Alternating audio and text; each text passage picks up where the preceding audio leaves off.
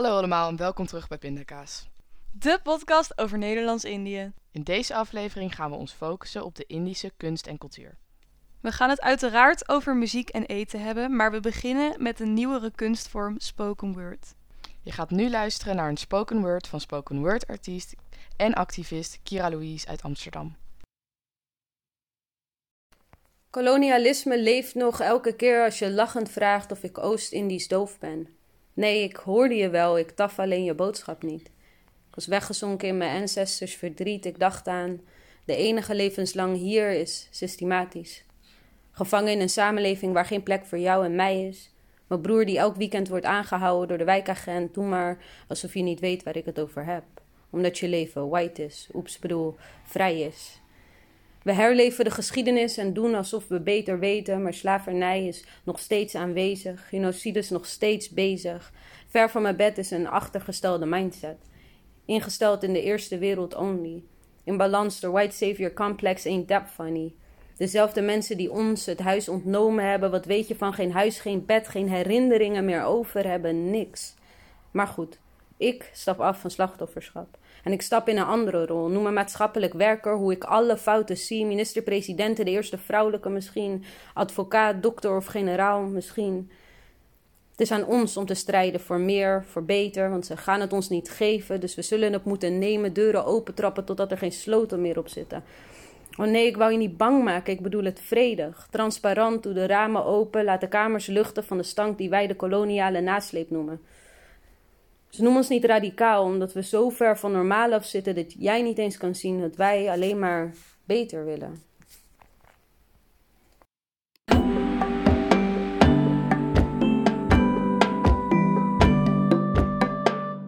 We gaan nu met Joop Riedijk praten, mijn gitaarleraar. Als eerst spreken we met Joop Riedijk, mijn gitaarleraar. Joop is Indo en heeft een Javaanse vader en een Balinese moeder. Dit is een bijzonder huwelijk in die tijd, omdat in Indonesië Balinese en Javanen eigenlijk niet met elkaar trouwden vanwege de verschillende religies die op die eilanden waren. Joop zijn ouders zijn uiteindelijk samen naar Nederland gekomen en hebben vervolgens hun gezin opgevoed in Den Helder. We beginnen met iets waar we denk ik allemaal wel bekend mee zijn, het Indische eten.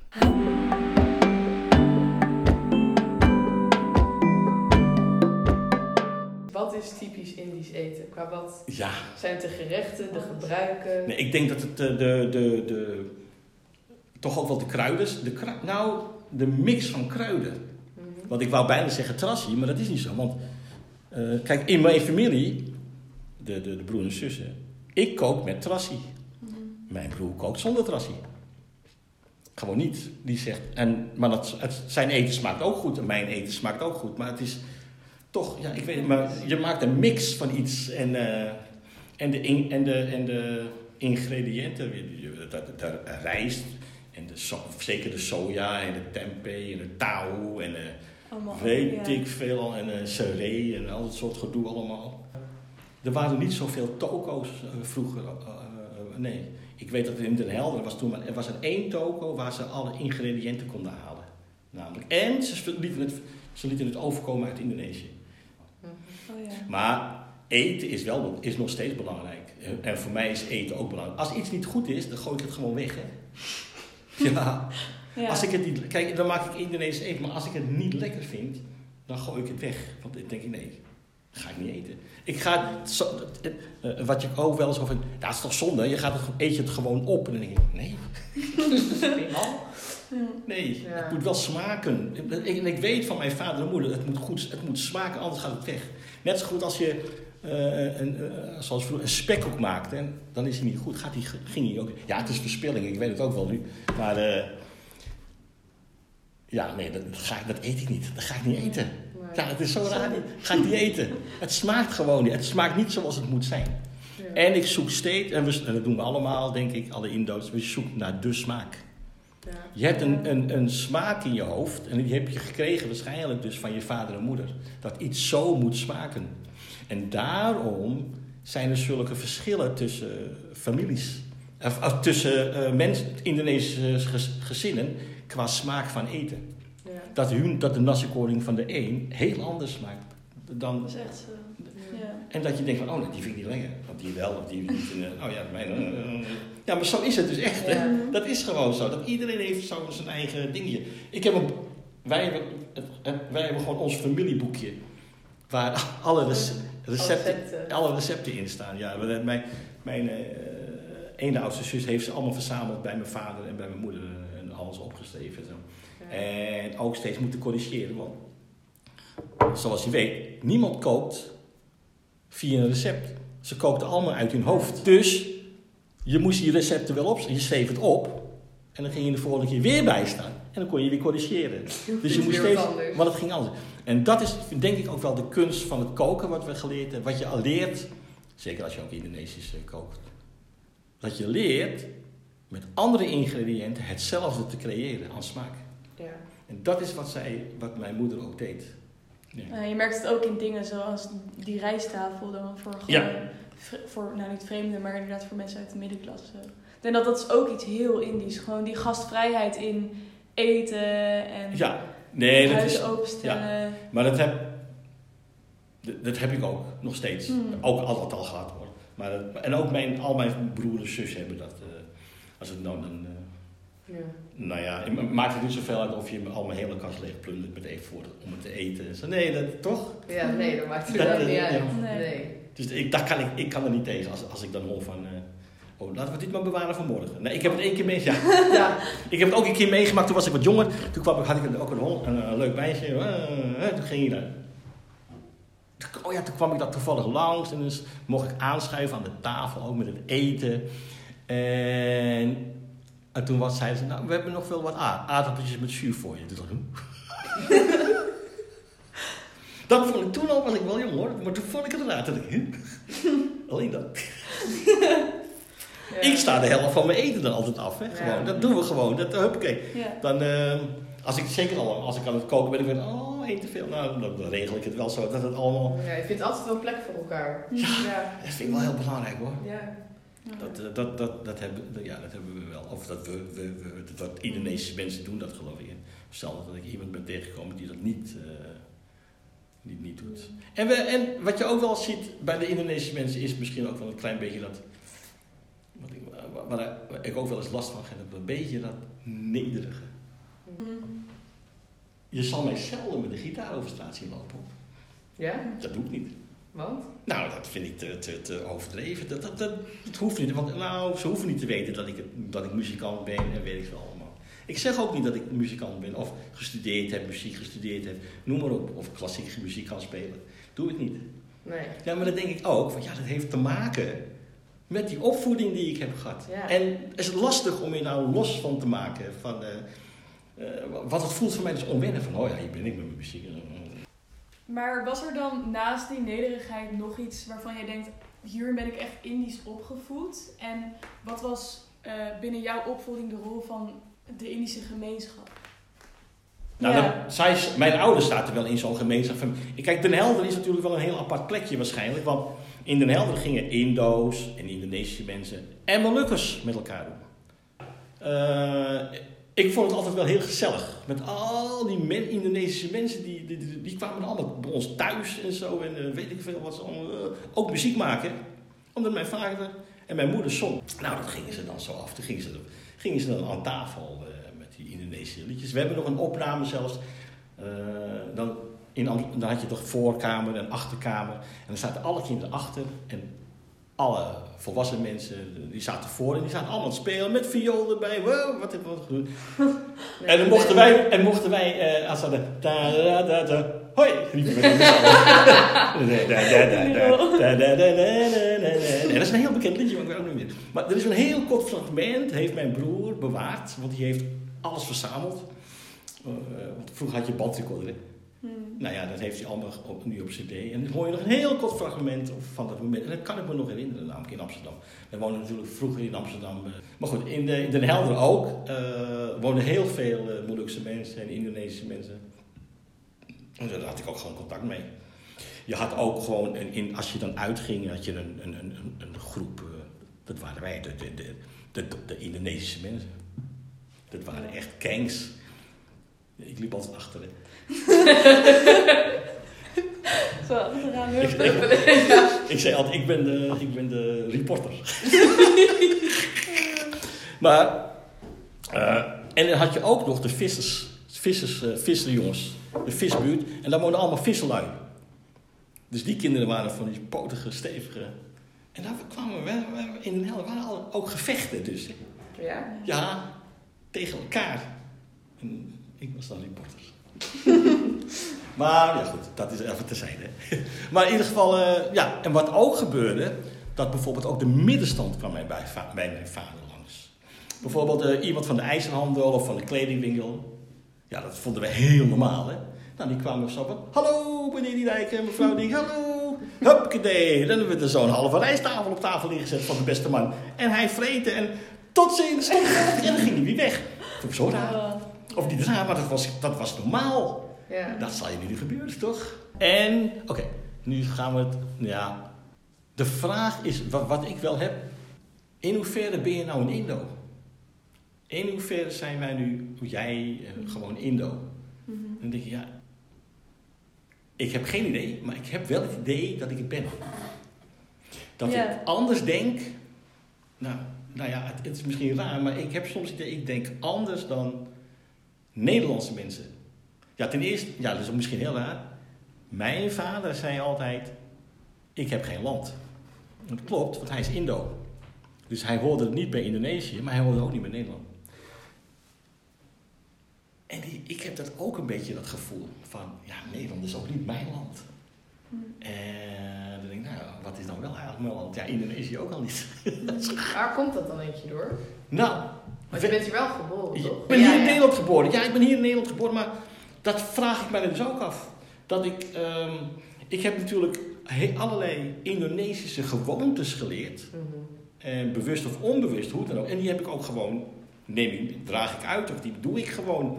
En sommige handig, sommige minder handig. Maar ik heb niet het. Of het is geweest dat ik dacht, dat ik denk van. Of zou het met kleur te maken hebben? Dat dat het is, dat je je niet thuis voelt. Ja. Ja, dat, weet je, want dan maakt het niet uit of ik een Indo ben, of een, eh, een eh, Afrikaan, of wat dan ook, een Braziliaan ben. Ja. Maar dat weet ik ook niet. Dat weet ik eigenlijk niet wat het, Ja, maar ze zeggen het ook is. wel vaak dat Indisch is een gevoel. Het is niet zozeer een nationaliteit, maar het is gewoon iets wat je binnenin je hebt. Gewoon. Ja, zoiets, zoiets Ja. zo voelt het wel, ja. En ik Ja. denk dat ik er ook niet de vinger op kan leggen, of de, hoe je dat ook moet zeggen.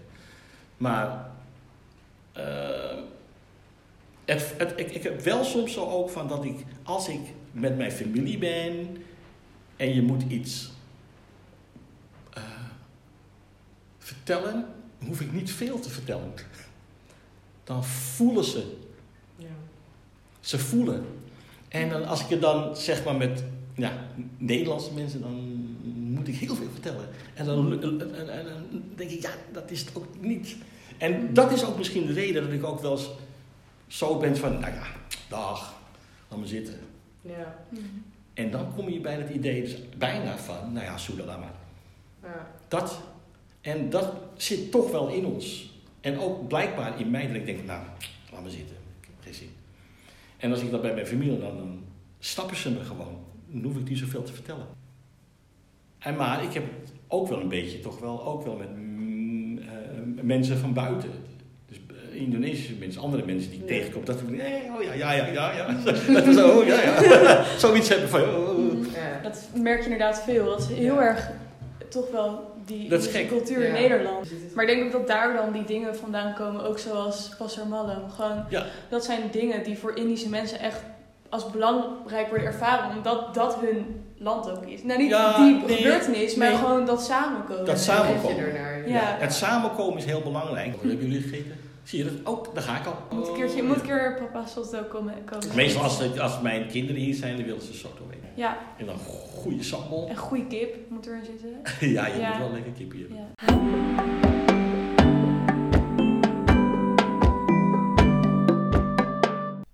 Gaan nu met Ronald Han praten. Ronald heeft een Indische moeder en een Chinese vader en is zelf nog in de jaren 60 in Indonesië geboren.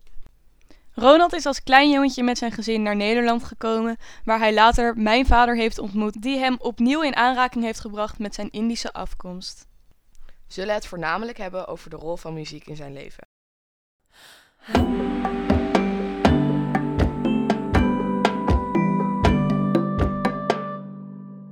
Wat maakt een Indo-rocker een Indo-rocker?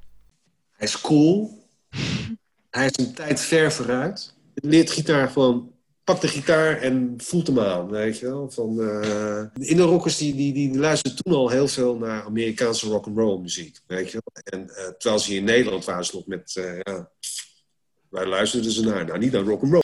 De Indo-rockers die luisterden al naar nou, Elvis, Bill Haley. En wat ze vooral deden, ze ze, ze, ze, ze, ja, ze, ze aten hun na, weet je wel.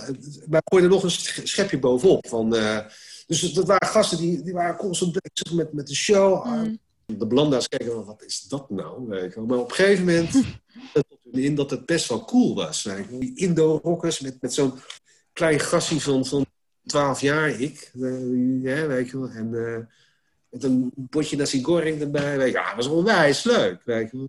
Uh, dat ik daar dan bij mag zijn, zoiets. Weet je wel? Zo, als jong 12 die, die net gitaar begint te spelen en die al. Uh, die, die, die, die gasten de coolste gasten van de wereld vonden. Weet je wel? Van, uh, maar dat waren, waren ontzettend lieve mensen. Weet je wel? Maar zo relaxed, zo cool. En als zo de hele dag door met muziek bezig. De meest muzikale gasten die gewoon, oh je hoort iets, nou speelt gewoon na, weet je wel. Want papa zei ook dat jij uh, uiteindelijk gitaar hebt leren spelen van een oude Indo-rocker. Of ja, ja, ja. Uh, mijn, mijn ouders hebben op een gegeven moment hebben ze op een punt gestaan van, van scheiden. En een van de, de mensen die mij een beetje opving, dat was de familie Thomson. Dat waren Indo's. Nu is uh, nou, al, al, bijna 40 jaar geleden verhuisd naar, uh, naar Californië. Maar ik heb gitaar leren, van, leren spelen van Henny Thompson. En Henny Thompson zat in de Hellcats. Ja, uh, Hellcats was een, ja, zou, nu zou zeggen, een coverband, weet je wel. En, maar je had een van, zeg maar, de leider van de... Van Edo Hartsteen is echt een, een, een oer-Indo-rocker. Ja? Maar hij zat in de band met uh, Henny Thompson. En die band waar ze zaten, de Hellcats, is zeg maar een... Uh, ja, een, een, een, een, een, de laatste, een van de laatste echte Indo-rock bands eigenlijk uh, geweest. Weet je wel? Dus ze speelden heel veel rock and roll natuurlijk, weet je wel. En, maar ook heel veel country, by the way. Weet je wel. Hij had ook een vrouw, Mirna, Mirna Thompson, een hele goede zangeres. Een hele, hele typisch country stem had ze. En uh, ze namen ook altijd mij vaak mee naar Indische avonden. Weet je wel? Van, je hebt van, uh, zeg maar, dan, dan, dan is er een, eh, in de Indische vereniging ergens in, zeg Haarlem, ik roep maar wat, weet je. Van, en die, die eens of één of twee keer per jaar, dan, dan, organiseren ze een, een, een, een, Indische avond. Dan kun je lumpia's en zo eten. je kunt, het is een hele rijsttafel en zo is, is daar klaar. En speelt een band. Altijd, weet wel. Mensen houden van dansen en zo. En, uh, en, dat soort avonden ging ik altijd met hun mee. Weet wel. Van, uh, dat, dat, dat, dat was... Dan kwam je midden in de nacht thuis, weet wel. Maar mijn moeder vond dat oké, okay, wel. Ik was, was ik elf, denk ik. Maar ik was ook al heel erg geïnteresseerd in, in, in gitaar. Ja, want ik, uh, ik, mijn zus die heeft, heeft ooit van een van een, uh, van een neef van mijn vader heeft ze een uh, gitaar gekregen. En mijn zus, die, Joan, die, die was daar niet zozeer geïnteresseerd, maar ik wel. Dus ik was altijd met die rode gitaar bezig. En uh, dat wist Henny Thompson, weet En die zei van, weet je wat, ik leer het je wel.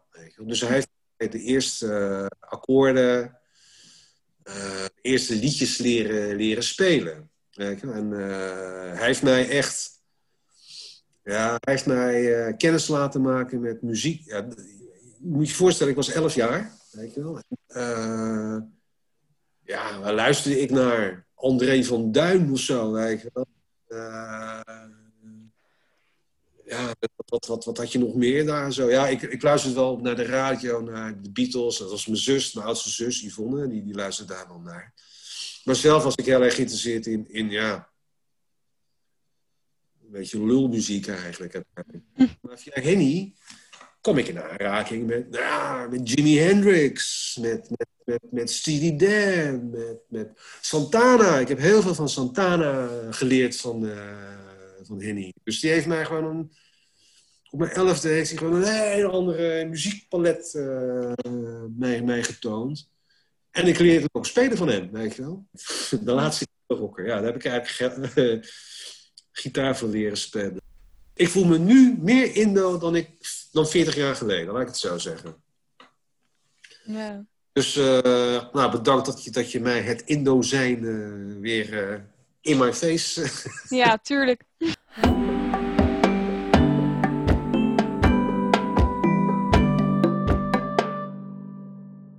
Terima kasih voor het luisteren.